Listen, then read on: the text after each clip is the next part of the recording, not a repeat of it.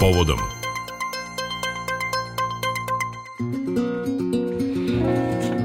10 sati i 12 minuta nakon vesti i muzike, drugi sat e, prepodnevnog programa otvaramo sa rubrikom Povodom i govorimo o e, tome da je Kusto Srpske kuće na krvu Ljubomir Saramandić održao predavanje Hodočašće na krv i ujedno predstavio istoimenu knjigu u Istorijskom arhivu grada. Na predavanju je govorio o istoriji ostrava, iskrcavanju srpske vojske na krvu, kao i o tome zašto Srbi koji dolaze na ostravo kao turisti vremenom postaju hodočasnici. Detalje možete čuti u razgovoru koji je Milan Rakić vodio sa Ljubomirom Saramandićem.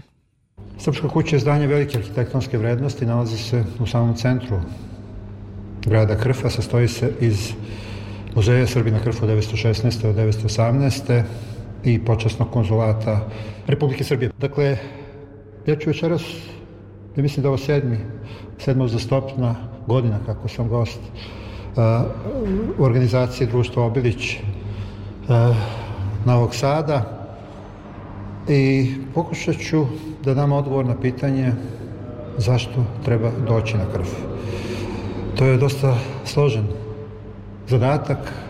Svi koji su bili na krvu iz godine u godinu sve veći broj posetioca, posebno osjećaja, znaju da to je jedno od naj, mediteranskih ostrava, da je e, ostrvo sa bogatom istorijom, ostacima e, velikih kultura i civilizacija sa preko 800 crkava, sa moštima Svetog Spiridona i Svete Teodore. Međutim, mi na Krfu ne možemo da budemo samo turisti. Jednog trenutka posetom Srpskoj kući, a naravno pre svega ostrovu Vido i srpskim svetinjama koji se nalaze na tom ostrovu, i još nekim spomenicima, dakle, tog trenutka postajemo hodočasnici. Rečenica koja je vjerojatno najčešće citiran, izgovorena je 1918. godine od strane mitropolita, tada Beogradskog Dimitrija, kasnije prvog patrijarha srpskog, da će to mesto jednog dana biti srpski Jerusalim, zborište novih, srećnih generacija, zahvalnih srpskih potomaka. I najveće zadovoljstvo posla koje ja obavljam, eto, koji imam čast da obavljam toliko dugo i upravo moje subjektivno osjećanje da se te reči ostvaruju upravo u vremenu kome živimo. Broj posjetioca se gotovo desetostručio posle pauze zbog pandemije iz poznatih razloga. Prošle godine je bilo ponovo veliki broj posetioca, posebno iz Vojvodina i meni je posebno drago što je veći broj mladih. E, mislim da je ta tema o čemu ćemo večeras govoriti, a povod je moja skromna knjiga koja će biti uvod da je pre svega jedna korekcija sveta u kome mladi odrastaju. I rekao bih da je taj svet u kome svi mi živimo, posebno mladi, poslednjih decenija, da kažem, dosta se promenio u smislu što je jedan... Njima je sve dostupno na internetu danas. Jeste, upravo to. I ta, ta dostupnost na internetu... I misle da ne moraju da idu. Stvaraju, stvara jedan površni hedonizam. Eto, ne znam da li pravi izraz koji potrebno. Iluziju neku. Iluzija da potrebno. Uh, I uh, to je možda najbolje definiše kada dođe grupa prvi put u Srpsku kuću, kada vođe puta ili profesor, direktor, mi kaže, znate, oni su malo umorni od puta ili od, ne znam, prethodne noći u diskoteci ili od E, gledanje u ekran, što ste vi rekli, i istog trenutka kada uđu u Srpsku kuću kroz fotografije, a posebno ispred mauzoleja, shvate da su to isto rastojanje njihovi vršnjaci prešli pešice.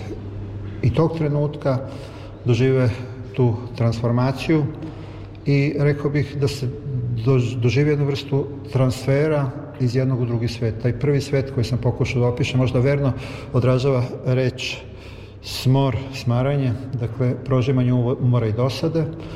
U trenutku kada se nađe na, u tišini na tom prostoru između mozoleja i plave grobnice, tog trenutka uh, uspostavljanjem niti sa kostima predaka, dožive neku vrstu katarze, oslobađanja od svih tih problema koje nosi vreme u kome živimo i neretko mi kasnije priđu i kažu tek sad vidim koliko smo mi puni umišljeni problema. I neka slična rečenica.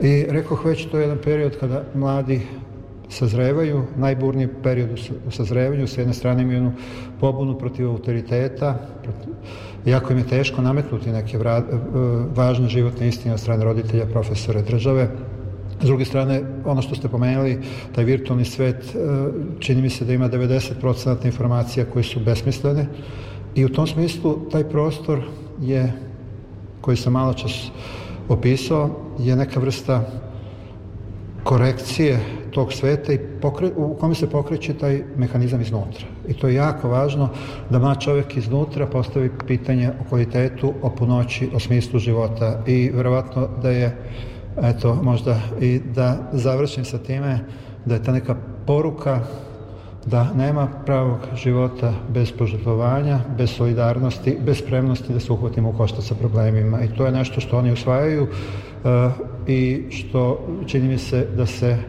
uh, vraćaju na neki način promenjeni. Meni je veliko zadovoljstvo da se nalazim ponovo u Novom Sadu i upravo je Novi Sad grad Ja prvi put kad sam došao, mislim je bilo 2016. i 2017. godina, za sve ono prethodno vreme ni jedna školska ekskurzija grupe mladih nije, nisu bili na krfu organizovano, međutim umeđu vremenu, eto prošle godine posle pandemije, jedna od prvih gimnazija je bila upravo iz Novog Sada, mislim da je gimnazija Lazo Kostić, posle toga uh, uprava grada Novog Sada već drugi put organizuje uh, grupe najboljih učenika iz Novog Sada i to su zaista izvaredna iskustva u, u njihov doživljaj upravo onoga o čemu sam govorio, dakle jedno iskustvo koje je teško naučiti i u školi i kroz udžbenike i kroz filmove, ja sam sarađivao i pisao sam neke skromne knjige, ali to sve samo priprema za to iskustvo dolaska na takvo jedno mesto. Kakav je sadržaj knjige Hodočaš na krv? Pa to je skromna knjiga,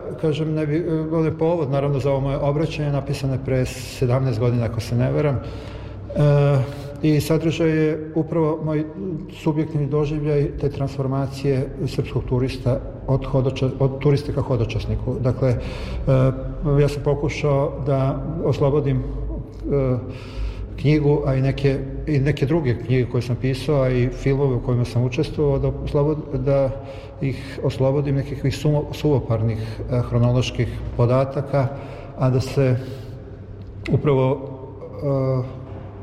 pokuš, pokušaj je da se pokrenu emocije. I u tom smislu naj, najvažniji izvori su mu bili sećanja solunaca, pisma, učenika, e, razne memoarske beleške i ono što mi je najvažnije i do dana današnjeg, ne samo kroz e, pisanje knjiga i učešće u filmskim projektima je, e, nego pre svega kroz interpretaciju posetiocima, je kako kako projektovati jedan istorijski trenutak kroz duh vremena u kome živimo. I podatak da e, srpski vojnik za dve i po godine boravka na Hrfu nijednu jedinu granu masnija nije slomio, nijedna krađa, tuča, nije zabeležen odnos prema tuđoj imovini, tuđim ženama, marljivost učenika, državnih funkcionera. Mislim da je to da ne možemo pronaći drugu reč nego patriotizam.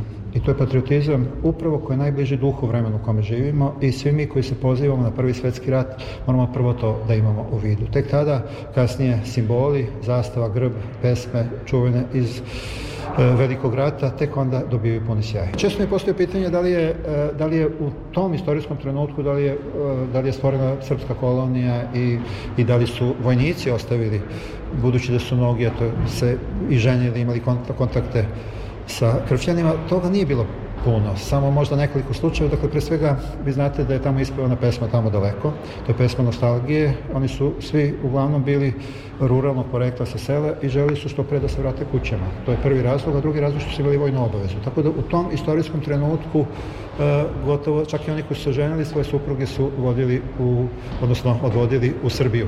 A što se tiče vremena u kome živimo, veliki broj turista, rekoh već skoro da su desetostručio broj posetilaca za poslednjih 20 godina, ali e, mali je broj onih koji stalno žive na ostrovu, najviše na osnovu braka, možda između 50 i 70 i krv je specifična kao i sva e, grčka ostrava što se deli na letnju i zimsku sezonu. U trenutku kada e, kreće zimski period, kreću kiše, e, mladi i krfljani odlaze sa ostrova, tako da e, stalno nastanjenih naših građana na Krfu je relativno malo, ali kad počne sezone to možda bih mogao da odgovorim neka vrsta poziva za novosađane.